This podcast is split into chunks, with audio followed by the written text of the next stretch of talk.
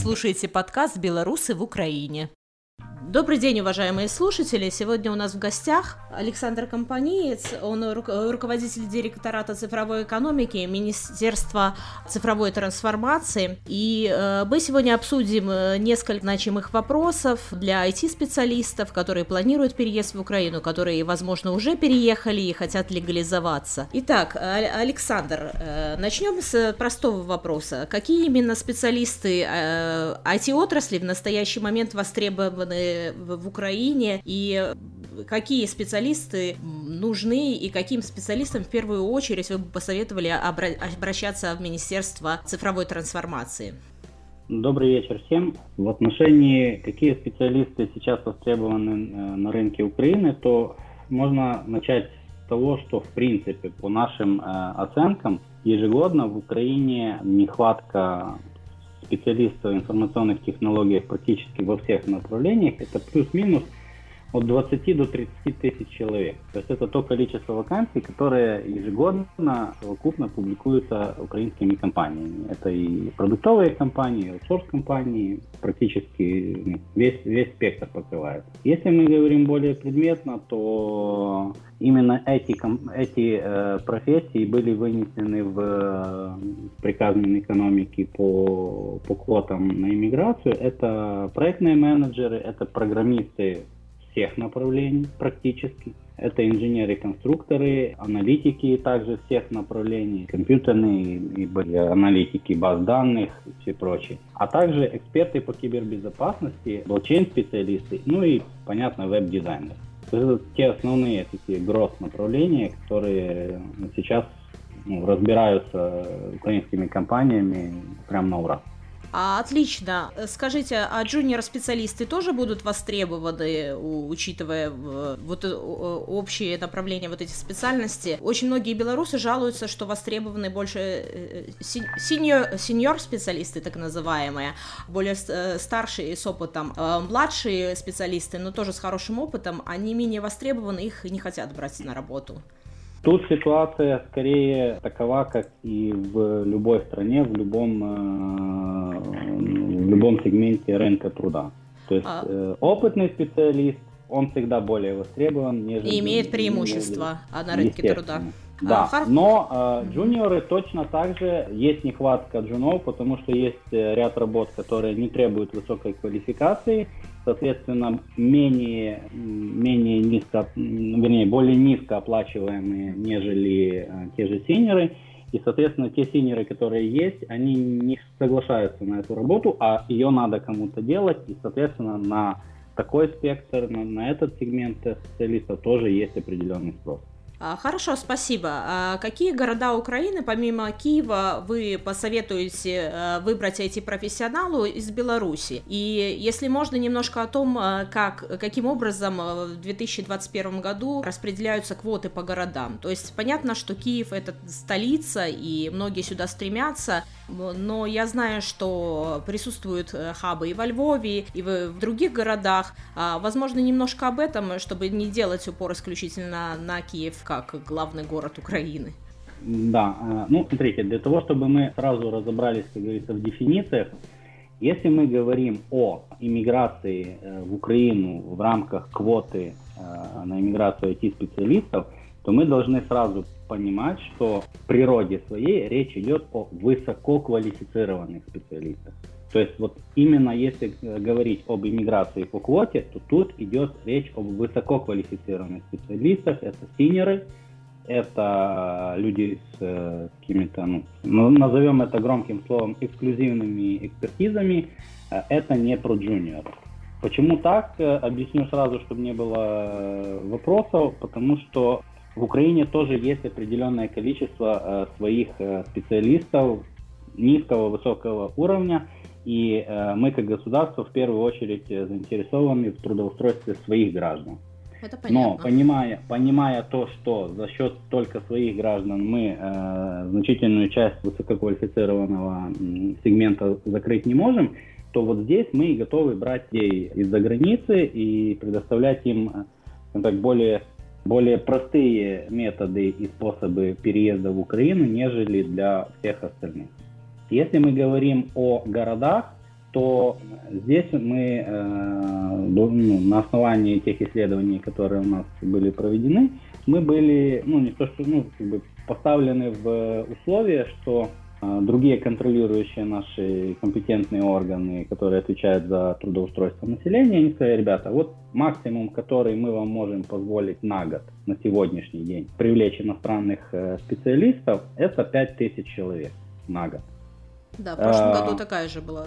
Да, ну, прошлый, прошлый год он у нас практически выпал, потому что пандемия, запрет на поездки, на передвижение, карантин, локдаун, все остальное, то есть не, не работало практически ничего, оно все работало кое-как, поэтому по факту в прошлом году мы квоту практически не выбрали.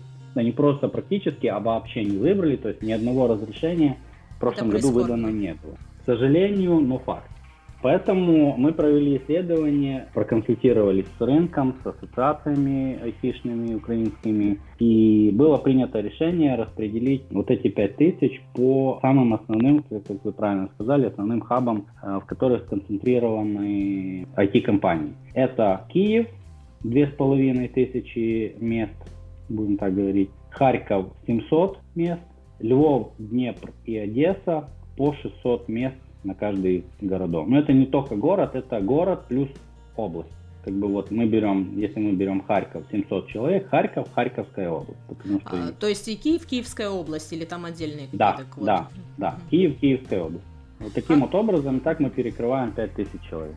Хорошо, спасибо. А э, расскажите, пожалуйста, вот э, э, не совсем понятен механизм, вот как человеку, который находится вне IT, да и в принципе тем айтишникам, которые переезжают, как специалисту, который хочет проходить по квоте, нужно ли получать какие-то рекомендательные письма, от Министерства цифровой трансформации для миграционной службы Украины, как, например, получают журналисты в Министерстве по делам ветеранов и временно оккупированных территорий? Если да, вот расскажите процедуру, э, как это делается, как оформляется соответствующий запрос, э, в какие сроки он рассматривается, ну вот немножко об этом, просто вот о самой процедуре.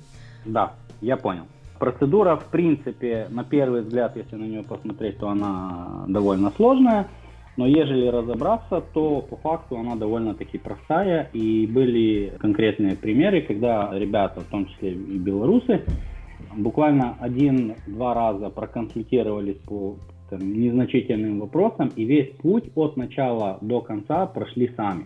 Если мы говорим о процедуре, об алгоритме, о пошаговости, то первое, с чего э, я бы рекомендовал начать, это ознакомиться с э, сайтом, который был нами создан конце лета прошлого года. Э, называется belarus2ukraine.com. Да, а... мы видели этот сайт, там, кстати, достаточно доступный алгоритм, но тем не да, менее вот... все равно остаются вопросы. Понятно, конечно, да. То есть на этом сайте мы попытались так широкими мазками, простым языком, не бюрократическим, объяснить основные постулаты законодательства, которые регулируют процедуры иммиграции. Это как по квоте, о которой мы сейчас говорим, также и в плане получения временного вида на жительство, как, э, назовем это просто, по рабочей э, визе. Это называется разрешение на использование труда иностранцев, ну то есть mm-hmm. это по разрешению на работу. Mm-hmm. Есть, если мы возвращаемся к нашему основному вопросу по квоте на иммиграцию, то здесь есть, скажем так, два основных этапа. Первый этап это, да, получение заключения о том, что человек является высококвалифицированным специалистом, и он имеет право подаваться на разрешение, на получение разрешения на иммиграцию. Для того, чтобы подать, получить это заключение, человек перво-наперво консультируется с э, приказом Министерства экономики номер 216 от э, 4 февраля э, 2021 года, в котором четко зафиксированы профессии, которые подпадают под квоту, и квалификационные требования к этим профессиям. То есть, если человек называет себя инженером-программистом, то каким требованиям квалификационным он должен соответствовать для того, чтобы все сказали, да, это инженер-программист. А, да, я вот знакомилась э, с этим письмом подробнее, и вот э, сразу, может, давайте обсудим по этому да. вот приказу, по этому письму, где указаны квалификационные требования. Вот, э, например, там указаны основные дополнительные квалификационные требования к тем, кто претендует войти в эту квоту на иммиграцию. И вот у меня лично возникли такие сразу вопросы, например, как человеку доказать, что он действительно, что у него есть опыт, не у всех же есть подтвержденный опыт, допустим, дипломом, особенно у, у категории тех, кто 35 плюс и особенно старше, 45 плюс, но высококлассный квалифицированный специалист. Возможно, в их время еще не выпускали таких специалистов, как э, ну, не, не было выпуска по специальности кибернетика, mm-hmm. скажем, да, и это тоже надо учитывать, как вот быть им. И то есть и, э, обязательно э, ли соответствовать э, всем дополнительным требованиям и скольким дополнительным требованиям требованиям нужным соответствовать, чтобы пройти по квоте. Только и одному дополнительному, либо всем дополнительным. Вот поясните этот момент. Мне он не совсем понятен. Я думаю, многим нашим слушателям тоже. Ну, э, смотрите, э, опять же, перво-наперво. Mm-hmm. Понятно, что мы все кейсы, все ситуации, всех людей охватить не можем. Поэтому мы сделали более-менее унифицированный подход и объективно, если разобраться, то те требования, которые нами выставлены, они, в принципе, довольно-таки э, невысоки по сравнению с теми, которые были еще до, э, до 2020 года. Ежели говорить о соответствии, кому, чему и как надо соответствовать, то э, да, разделено на э, два типа э, требований. Это обязательное и дополнительное. Обязательное это обязательное, это подтвержденный опыт, ну, в основных, основной, э, так, в основном большинстве э, всех профессий это подтверждение опыта от трех лет. Чем можно подтвердить опыт? Э, наша задача э, привлечь э, максимальное количество высококвалифицированных специалистов, поэтому мы работаем по абсолютно человеческим принципам. Угу. То есть любой фактический документ, который показывает, что человек последних, возьмем последних там 3-5 лет, работал в сфере IT по той или иной профессии. Не таксистом, а ну, IT. Это понятно, да. Это а... трудовая книжка. Это если человек был индивидуальным предпринимателем, то это э, копия его э, свидетельства о регистрации индивидуальным предпринимателем с перечнем э, видов деятельности, где прописано IT договора, если человек просто был фрилансером и ну, на обыкновенных договорах, там разовых или более-менее регулярных, предоставлял э, какие-то услуги. То есть такие договора, акты выполненных работ, потому что я понимаю, что не всегда можно копию договора предоставить. Соответственно, акты выполненных работ, в котором в акте будет написано, что человеку заплатили деньги за то, что он предоставил услугу или продукт сфере IT, а не клининговая, допустим, услуга какая-то. А, это могут быть трудовые договора, ну, классические трудовые договора с э, иностранными компаниями. То есть ну, любой объективный фактический документ, который подтверждает работу человека в сфере. А, такой тут э, сопутствующий вопрос. Э, дело в том, что а, между Украиной и Беларусью э, разорвано соглашение о взаимном признании документов. И вот как подтвердить эти документы или заверить Давайте... в надлежащем да, я виде? Понял. Я угу. понял ваш вопрос. К нему вернемся чуть-чуть позже. Это будет в отдельном блоке пояснений. То есть с, обязательной, с обязательным требованием разобрались. Любой да. документ, который подтверждает фактическую работу по специальности 3 плюс лет. Относительно дополнительных квалификационных требований, то э, здесь как бы гроссмейстерский минимум это соответствие одному из требований. То есть это либо образование, либо доход. Опять же, мы говорим о высококвалифицированных специалистах, э, специалистах и э, высококвалифицированный специалист с зарплатой в 2000 долларов в месяц средний, это плюс-минус да это оно, и по факту я вижу те э, заявления, которые я получаю, люди показывают и намного выше, нежели 2000 долларов. Не имея соответствующего образования. А, хорошо, скажите, а доход точно так же можно подтвердить, в принципе, как опыт работы, тоже да, трудо- любым трудовым, фактическим э, документом. Любым фактическим документом. Хорошо. Да, то есть это может быть справка из компании о том, что человеку начислялась такая-то зарплата, это может быть выписка из э, налоговой об уплате ваших налогов с э, указанием налоговой, налоговой базы, это может быть выписка из банка э, плюс-минус регулярными зачислениями э, за... То есть мы говорим, если мы подаемся в 2021 году, то это берется календарный 2020 год. То есть 1 января по 31 декабря 2020 года. То есть я должен видеть, что в течение года человеку на счет зашло 24 тысячи долларов, либо больше все, у меня как бы особо других вопросов нет. Могут быть те же самые акты выполненных работ с указанием оплаты, соответственно, человек предоставляет все акты, я сижу с калькулятором, сбиваю общую сумму, я понимаю, что вот у нас выходит 24 плюс, все, все good. Поэтому, но с другой стороны, опять же, да, то есть это стандартная, скажем так, э, схема, которая работает всегда и везде. Чем больше документов, тем лучше. Тем лучше. А, такой провокационный вопрос. Скажите, вот э, человек, э, фактически не имеющий высшего образования, он может считаться а, по вот этим критериям высококвалифицированным специалистом в Украине? Ну, конечно, может. Вот если, допустим, вот у меня сейчас открыт перед, перед глазами приказ, смотрим сразу. Первая, первая э, профессия – технический руководитель.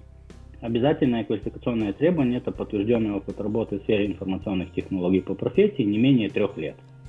То есть с этим разобрались.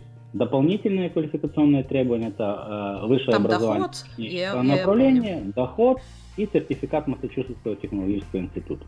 То есть, если человек предоставляет мне подтверждение опыта работы 3 года, 3 плюс и, и справку, да, и справку о доходах 24 тысячи долларов, про образование мне вообще ничего не говорит, все, я его принимаю абсолютно нормально. То есть он молодец, и он э, вполне высококвалифицирован и может работать. Хорошо, э, это отлично, я считаю, это хорошая новость для многих. Скажите, пожалуйста, то есть вот э, первоначальный шаг это обратиться к вам в министерство, то есть а, любым а, образом позвонить, написать, то есть вы, Александр Компанеец, как входная точка в Министерстве цифровой трансформации, и именно вы курируете эти вопросы, я правильно понимаю? Да, я курирую эти вопросы, я веду, если мы вернемся опять же к сайту belarustoукраine.com, то там на этом сайте указан номер телефона горячей линии. Это номер телефона, который все время со мной. То есть человек может позвонить э, на этот номер телефона в любое время суток, задать любой вопрос, касающийся релокации в Украину. Я постараюсь ответить ему на все вопросы. Ну, давайте Но, не будем в любое время суток, потому что это, знаете, это ну, всегда ну, это нехорошо закачивать. Это горячая линия, но то она и горячая, потому что когда было, ну, скажем так, период сентябрь-октябрь э, прошлого года, то и когда была э, закрыта граница Украины, то мы для Белоруссии э, сделали исключение, и белорусов запускали даже при том, что были закрыты границы. Возникали непонятные ситуации на границе, когда наши пограничники, там, кто-то забыл об этом распоряжении, кто-то что-то не понял. Кто-то не знал об, о нем. Да, да, да, да. И было такое, что люди мне звонили и в 2, и в 3, и в 4 часа ночи, и говорили, что вот мы на границе, меня не пропускают украинские пограничники. Я связывался с руководством погранслужбы, и людей пропускали. Да, фактически была такая ситуация, и не только с айтишниками. А, да. да, она была. Ну, будем считать, что это уже пройденный этап, и дальше будет как-то Но, немного более вот упорядочено. Да, Я значит, вас если поняла. Мы говорим, если мы говорим о фактическом подтверждении, э, получении документа, который подтверждает отношение человека к категории высококвалифицированных специалистов, то человек, проконсультировавшись с э, приказом, выбрал для себя профессию, которой, по его мнению, он соответствует, он собрал те документы, которые подтверждают его соответствие вот этим квалификационным требованиям. Что делает человек? Человек переводит все эти документы на украинский язык и заверяет этот перевод у нотариуса, желательно у украинского. Документы, которые выданы компетентными органами Белоруссии должны быть апостелированы. Если мы говорим конкретно про Беларусь и э, то, что э, Беларусь вышла из соглашения про взаим, взаимное признание документов. Да, к сожалению, то, в одностороннем порядке. Ну, да. То э, на ряд документов, э, ну не на ряд, а на все документы, которые выдаются органами государственной власти, необходимо проставить апостиль. Это как бы единственное, ну, если это можно назвать проблемой, это, скажем так, дополнительный шаг, который необходимо сделать человеку для того, чтобы легализировать этот документ. То есть алгоритм следующий. Человек получил справку, допустим, если мы говорим о э, сертификате, не сертификате, а свидетельстве о регистрации индивидуальным предпринимателем, то на сертификат проставляется апостиль, после этого делается перевод на украинский язык, и после этого перевод заверяется у нотариуса. Все, вот при наличии... Ну, обычно вот одна и та же контора в Украине это проще сделать, да. сделал, как правило, делает это все. А скажите, вот э, ходят слухи, что по какой-то причине вот диплом не надо постелировать. Вы скажите, правда, вот именно для айтишников, это правда или нет? Потому что я почему-то сильно сомневаюсь. Нет, это абсолютно, это абсолютная правда. У нас э, между Украиной и Беларусью э, есть действующее соглашение о взаимном признании э, документов об, об образовании. И я вам прямо сразу и говорю, как называется этот э, документ. Это соглашение между Кабинетом министра Украины и правительством Республики Беларусь о взаимном признании и эквивалентности документов об образовании и ученых званий, который подписан в 1998 году, и он продолжает быть действительным. То есть, что это означает? Что диплом белорусского, э, ну, белорусский диплом государственного стандарта признается в Украине без апостилирования и без нострификации. То есть человек просто делает его перевод на украинский язык, и этот перевод заверяется у нотариуса. Отлично, одним документом меньше. Это на самом деле хорошая новость для всех. Скажите, пожалуйста, вот чисто теоретически, меня просто очень э, интересует этот вопрос. Может ли высококлассный IT-специалист подаваться на разрешение на иммиграцию в Украину без предварительного трудоустройства к украинскому работодателю? То есть вот э, человек задумал айтишник релокацию в Украину, и он э, решил, что он релоцируется, будет здесь, получит постоянное место жительства, жительства и будет жить в Украине вместе со своей семьей. Может он, не трудоустраиваясь на первоначальном этапе, подать документы на, иммиг... на иммиграцию, на разрешение, на разрешение на иммиграцию или нет? Может. Может. Трудоустройство в украинскую компанию с э, разрешением на иммиграцию не связано никоим образом от слова совсем. То есть главное, что надо, это чтобы человек соответствовал требованиям той профессии, квалификационным требованиям, которые выдвигаются к той профессии, которую он для себя выбрал. Все. Работает ли он на украинскую компанию, не работает ли он на нее, работает ли он на какие-то другие белорусские иностранные компании, это не имеет вообще никакого значения, кроме того, что он должен работать в IT-отрасли. И ВНЖ тоже так, э, значит, можно получить э, тоже без трудоустройства на первоначальном этапе к украинскому работодателю. Что мы, что мы имеем под словом ВНЖ? Потому что тут а, разрешение... Временный... Э, временный вид на жительство, да, будем говорить временный. Тут немножко, да, тут немножко ситуация другая. Почему? Потому что временный вид на жительство получается на основании определенных, ну, по на определенным основании. основаниям. Да, по определенным основаниям. Да, да. Значит, одно из оснований, которое применимо э, для нашей категории слушателей, это как раз трудоустройство в украинскую компанию. Соответственно, тут надо именно иметь предварительные договоренности с украинской компанией, что украинская компания возьмет человека в штат. Ключевое слово здесь штат, на зарплату. Не ФОП, ваш аналог индивидуального предпринимателя. Да. Угу. У нас ИП, у вас ФОП, да. Да, то есть это не ФОП, не фриланс, не еще другое, другая форма э, сотрудничества. Это конкретно сотрудник в штат на зарплату, на оклад. Тут в двух словах э, я объясню. Значит, тут сама процедура намного проще, потому что разрешение на использование труда иностранца э, делает как раз украинская компания.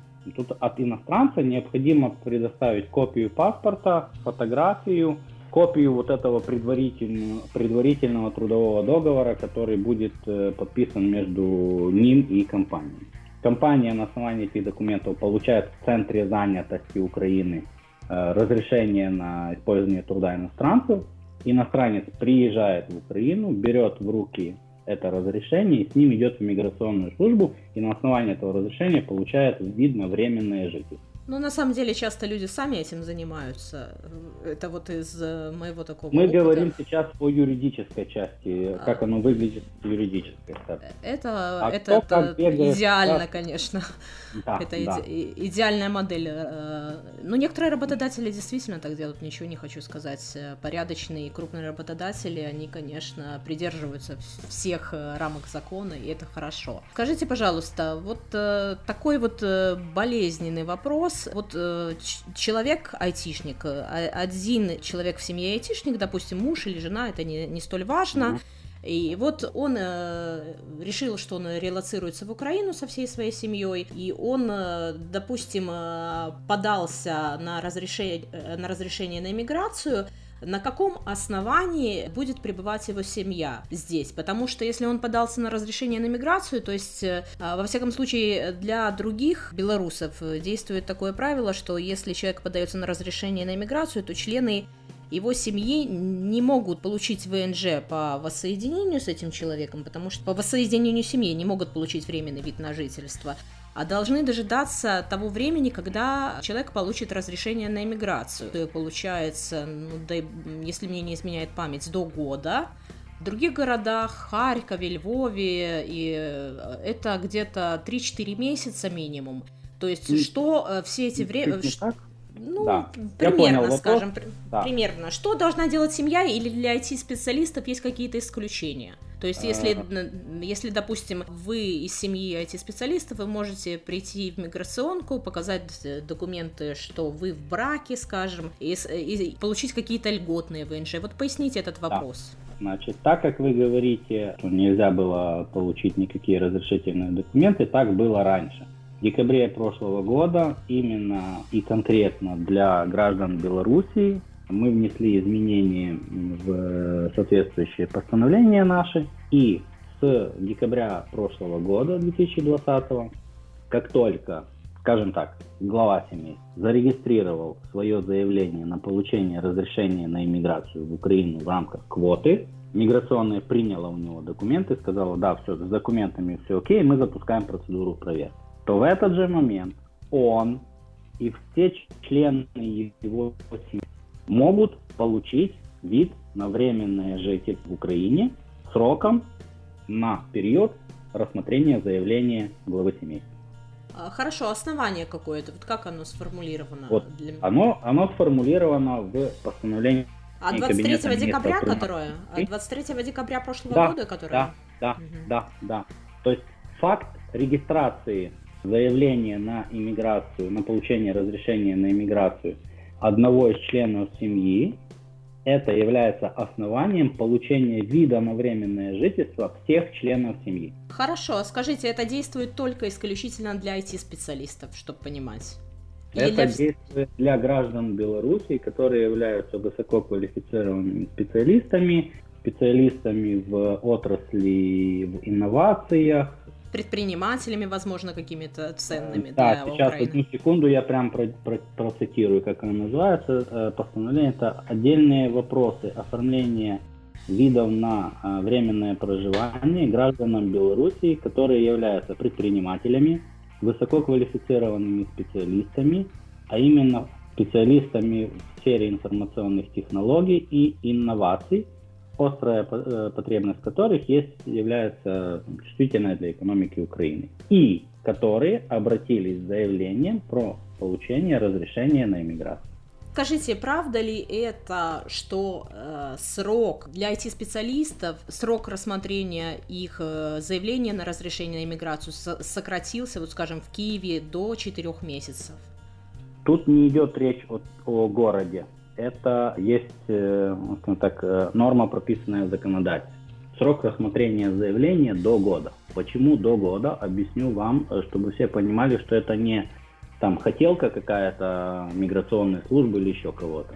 А, мы говорим о том, что человек получает разрешение на иммиграцию и на его основании получает, видно, а, постоянное жительство, на основании которого там, через определенное количество лет человек может стать гражданином Украины. То есть мы человека не просто опускаем в Украину пожить, там, год, два, три, а мы его пускаем навсегда. То есть вот живи в Украине, не, ты пока не гражданин, но у тебя практически все те Но у тебя права, есть шансы стать гражданином в перспективе. Да, не, то, не, только, не только что гражданином, у человека практически все те же права, что и граждан Украины. То есть человек может работать где хочет, ему не надо никаких разрешений на работу больше получать. Он может пользоваться, он не может только выбирать, быть избранным, служить в армии, ну, наверное, и все. Э, в армии может даже служить. Вот, э, ну, это просто... там, по, по контракту это отдельная, отдельная история, то есть об этом не говорим. То есть его не, нельзя призвать в случае, если вот там идет общий призыв.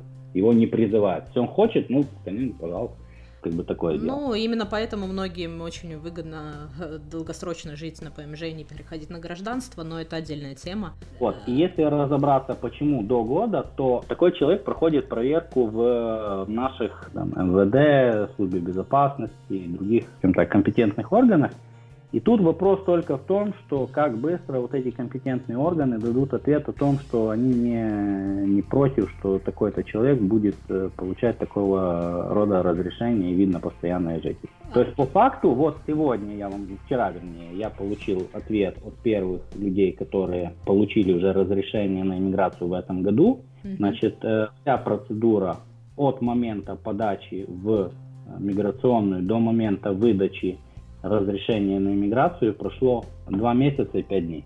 Ну, это очень быстро, скажу я, потому что я в, в конце прошлого года получила, э, ну, я оформляла разрешение на иммиграцию, у меня это заняло, ну, больше года в Киеве.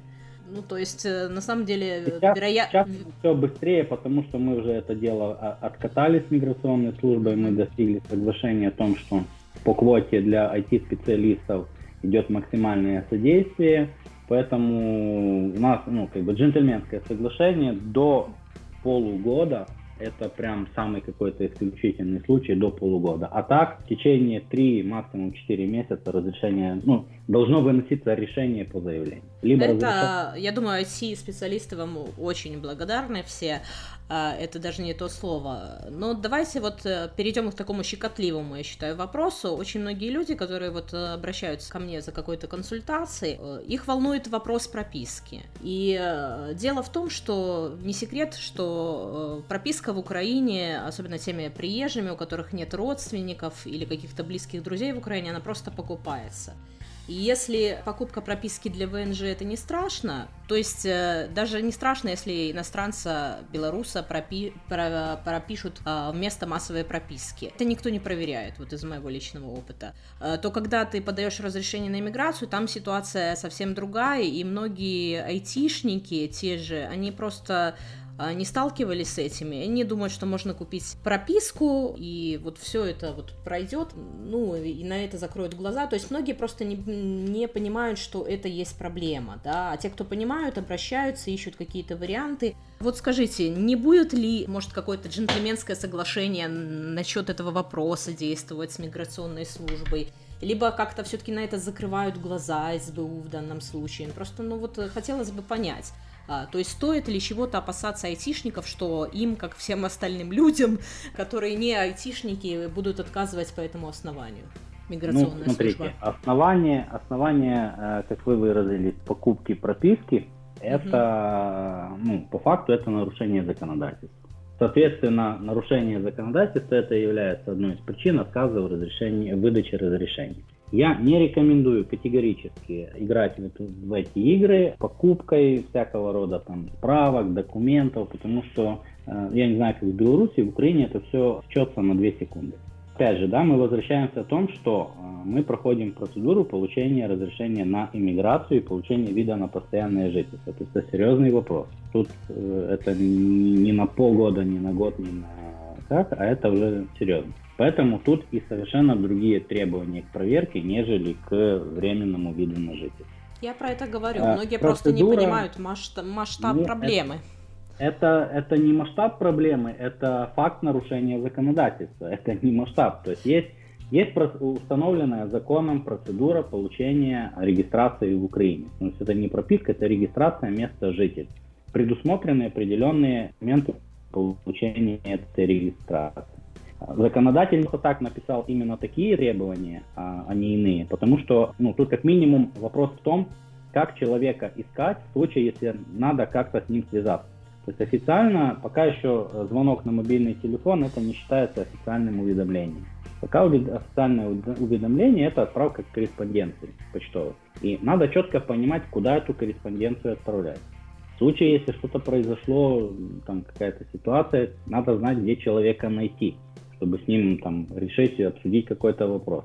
Поэтому регистрация, да, я согласен, вопрос не самый простой, да, люди не особо э, там, настроены давать разрешение на регистрацию в, в своих квартирах иностранцев, но вопрос решаемый, потому что ну, я получаю постоянно все документы от людей на их квалификацию, и у людей есть решение. Тут единственное, что я могу порекомендовать, то есть я так понимаю, что уже очень много комьюнити, телеграм-каналов, там, еще каких-то клубов э, белорусов, где эти вопросы обсуждаются и всегда друг другу можно в этом помочь. Пусть будет оно сложнее, может быть это будет дороже, допустим, снять квартиру и получить разрешение от арендодателя на регистрацию в этой квартире. Пускай оно будет дороже стоить вам аренда, но у вас законная будет регистрация, и тогда к вам никто никаких вопросов не поставит. В противном же случае, ну, сэкономив э, там, несколько долларов,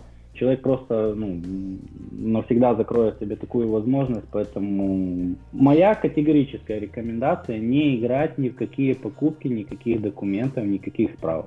Я про- просто почему об этом заговорила, что вот буквально два дня назад прочитала в Беларуси такую статью, где айтишник, который переехал в Украину, он так э, с легкостью рассуждает, что вот я подался на разрешение на миграцию, я купил себе прописку за 100 долларов, да, но я вот вам откровенно говорю, что за эти деньги это только массовая прописка, и, скорее всего, этот человек получит отказ, и за предоставление недостоверных сведений он просто аннулирует, вот, и все его усилия будут счетны. Просто я вот... Да, и больше он никогда не, не сможет податься, поэтому... Ну, или... Стоит да, не стоит. Вот вы тоже так считаете, что все-таки надо вним, внимательно подходить к этому и рассудительно к этому моменту. Если, если закон, у нас, у нас как говорят, ну, по-моему, в Беларуси тоже так говорят. Если ты не знаешь, как поступить, поступай, как написано в законе. Э, это очень правильно, это очень правильно, и мне кажется, просто надо тем, кто вот подается на разрешение на иммиграцию, учитывать этот момент и подходить к нему очень внимательно, не игнорировать, не покупать ни в коем случае прописку за 100 долларов, потому что ну, потому что это чревато. Я просто хотела это проговорить, чтобы все просто понимали, да. с чем они имеют дело. Давайте вот обговорим такой момент, тоже я считаю деликатный, на какой максимальный срок IT-специалист э, может получить разрешение на работу. Дело в том, что, казалось бы, просто нет ограничений по заработной плате, ну, не предъявляются, как другим иностранцам, как айтишник, ценз э, по заработной плате не устанавливается, и э, айтишник, имея на руках трудовой контракт, может получить разрешение на работу сроком до трех лет. Ну, в частности, мы знаем, что это регулируется в Украине с 2017 года законом номер 2058-8 понятие особых категорий иностранцев и лиц без гражданства, претендующих на трудоустройство в Украине. С другой же стороны, те же IT-специалисты э, делятся миграционкой на категории. И та категория, которая подразумевает выдачу разрешения на работу сроком до трех лет, она относится к высокооплачиваемым специалистам, и там устанавливается минимальный ценз по зарплате 50 минимальных заработных плат. Что мы имеем в реальности? Имеет право работодатель оформить белорусу разрешение на работу сроком на три года или нет в реальности?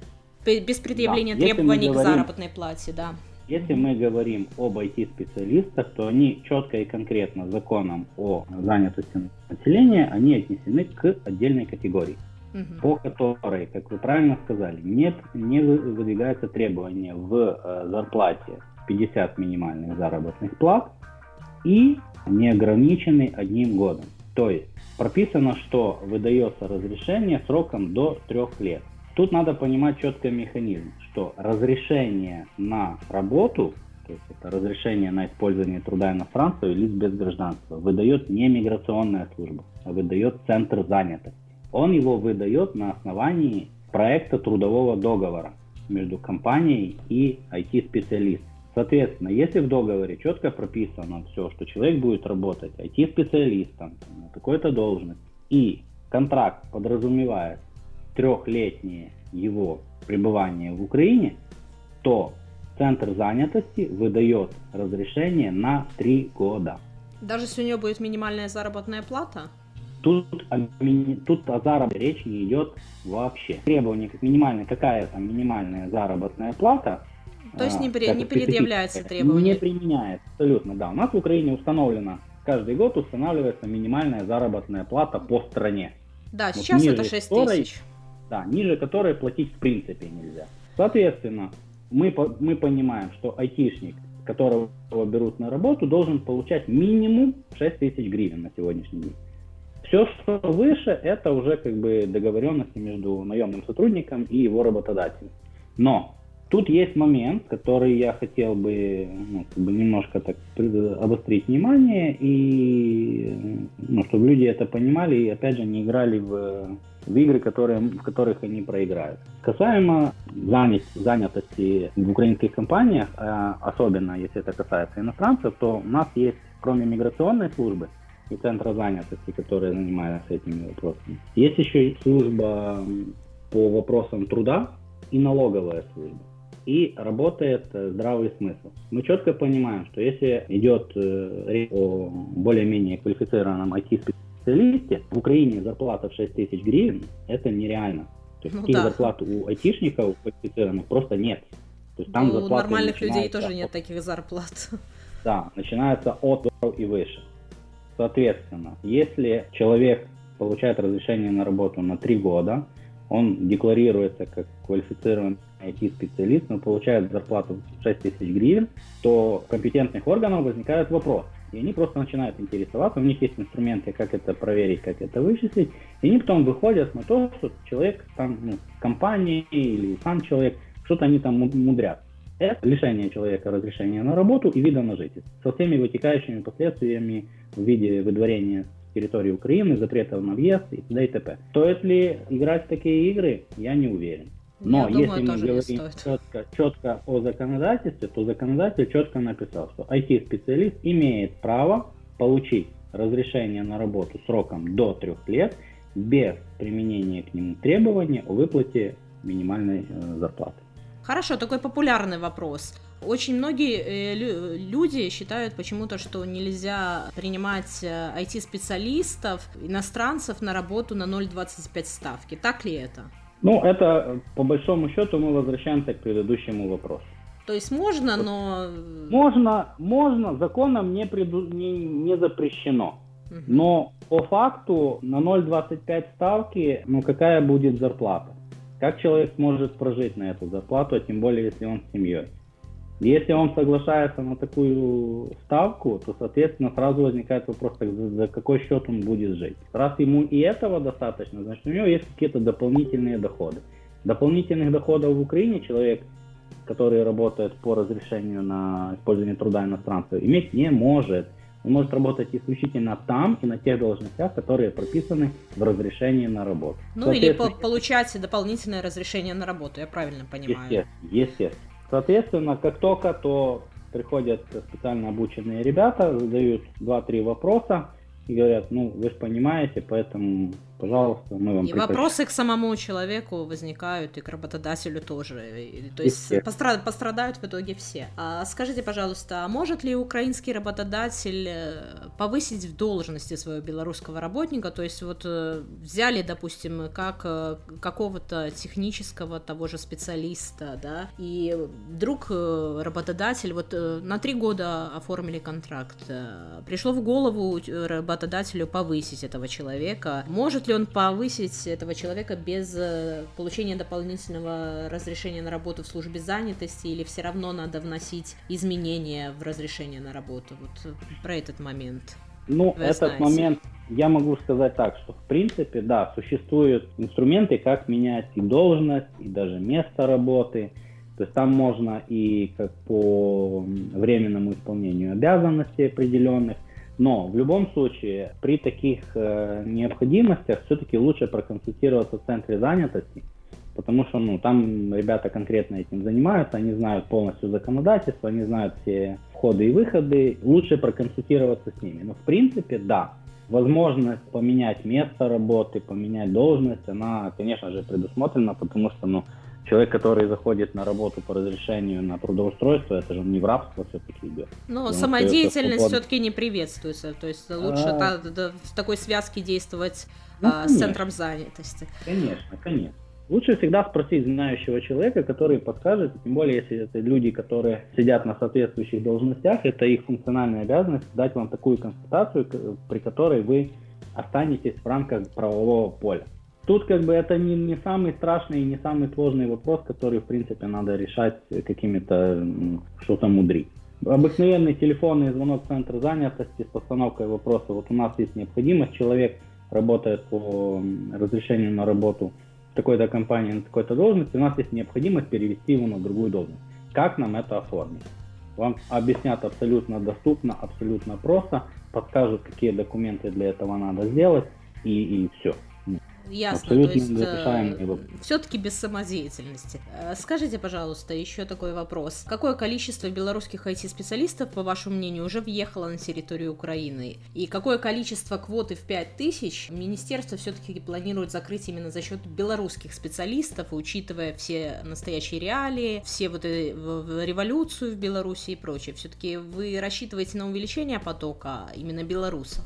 Вопрос довольно-таки сложный. Почему? Потому что статистики, сколько белорусских айтишников приехало в Украину, сколько уехало, сколько осталось, ну, ее в принципе не существует, потому что, ну, как человек человека на границе определить, что он айтишник. Ну, пограничник же не будет у него там проверять дипломы и все остальное. Ну, заезжает человек, у него есть основания въезда на территорию Украины любые, то есть, да, банально по, по безвизовому режиму, который между нашими странами действует. Человек заехал, у него есть, как у белорусов, у него есть 180 дней по новым, по новым изменениям, 180 дней в течение года он может пребывать на территории Украины без э, там, фактической легализации.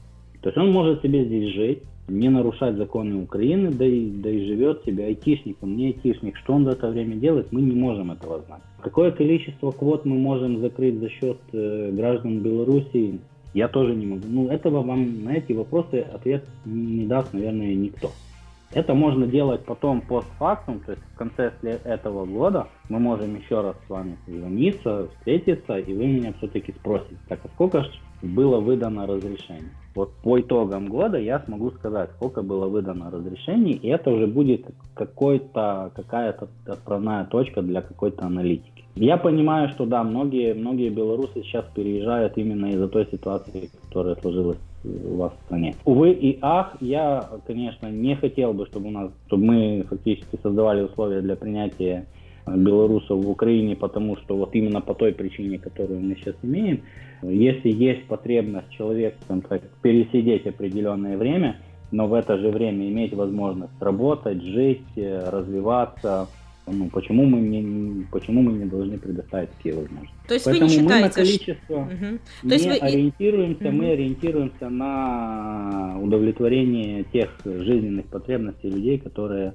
есть здесь и сейчас. То есть я правильно поняла, что вы все-таки не считаете, что это такое долгосрочное вложение для государства, белорусские специалисты, потому что э, мне кажется, что все-таки часть людей, они в любом случае если уже приедут и поживут, ну, три года, пять, э, то в любом случае они задумаются о том, чтобы, возможно, э, рассматривать э, Украину не только как временное пристанище, но все-таки рассматривать как место жительства в долгосрочной перспективе. Или вы все-таки считаете, что это вот такая временная мера и вот это временный поток, и потом он иссякнет? У нас не стоит задача закрыть, закрыть за счет белорусов тот дефицит в IT-специалистах, который в Украине существует.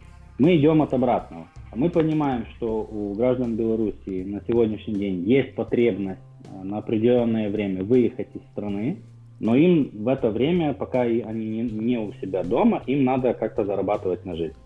То мы создаем для них эти условия. А параллельно ну, уж простите, мы как-то и, и попробуем и для себя поиметь какой-то За счет налогов хотя бы. А, ну, как минимум, да. А скажите, пожалуйста, вот такой, наверное, вопрос последний. В октябре прошлого года вы в одном из своих интервью упоминали о возможном продвижении в соответствующих органах э, вопроса о получении белорусскими айтишниками ВНЖ на основании открытия собственного ФОП третьей группы в Украине. Mm-hmm. Как э, вот движутся дела в этом направлении? Движутся или пока все-таки это такая глухая тема, на которой не слишком стоит рассчитывать в ближайшей перспективе? Да, да, на эту тему рассчитывать не стоит, потому что э, это довольно-таки ну, не то, что сложный. Нет, это не то, что сложный вопрос, просто если дать такую возможность, то тут открывается очень большое поле для злоупотреблений. Поэтому нашими компетентными органами мы, мы проводили консультации на эту тему, мы общались с налоговой, с другими органами. И ну, тут рисков для, для нас, для Украины, рисков больше, нежели каких-то выгод. Каких-то выгод, да. Поэтому этот вопрос ну, во-первых, такого инструмента я даже так на первый, первый взгляд и не помню, есть ли в какой-то стране в принципе такое. Ну, если мы не говорим об офшорах каких, которые Я тоже, честно говоря, не уверена в этом. Я, честно говоря, вот. тоже в этом совсем не уверена, что что-то похожее есть э, где-то в какой-то стране мира, да. но мало ли. Хорошо. Вот у нас, мы считаем, что и так мы предоставили довольно-таки широкий инструментарий для получения разрешений на работу, на жизнь в Украине, вот теми инструментами, которые есть. Поэтому создавать дополнительную какую-то вещь, которая может там принести какие-то ну, ненужные страдания нам и в том числе, знаете, как э, ложка, ложка дегтя бочку меда портит. Оно не, не, не стоит овчинка выделки.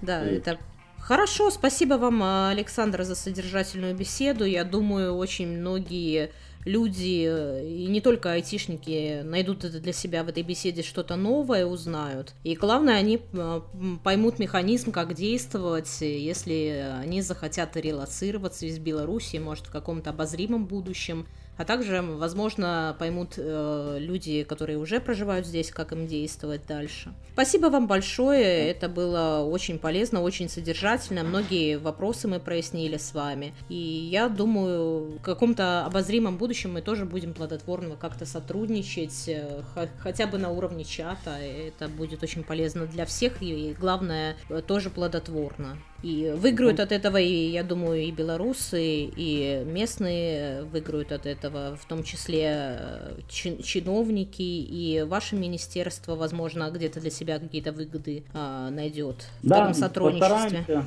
постараемся организовать э, вза- взаимно выгодный процесс сотрудничества. Мне тоже было очень приятно познакомиться, пообщаться, я Спасибо надеюсь, вам, что вы делаете так хорошо свою работу как чиновник. Это на самом деле очень впечатляет. И впечатляет то, что вы компетентны в своей сфере и смогли ответить и прояснить так много вопросов для белорусов. Спасибо вам. Спасибо, хорошего вечера. И вам также спасибо. Всего доброго.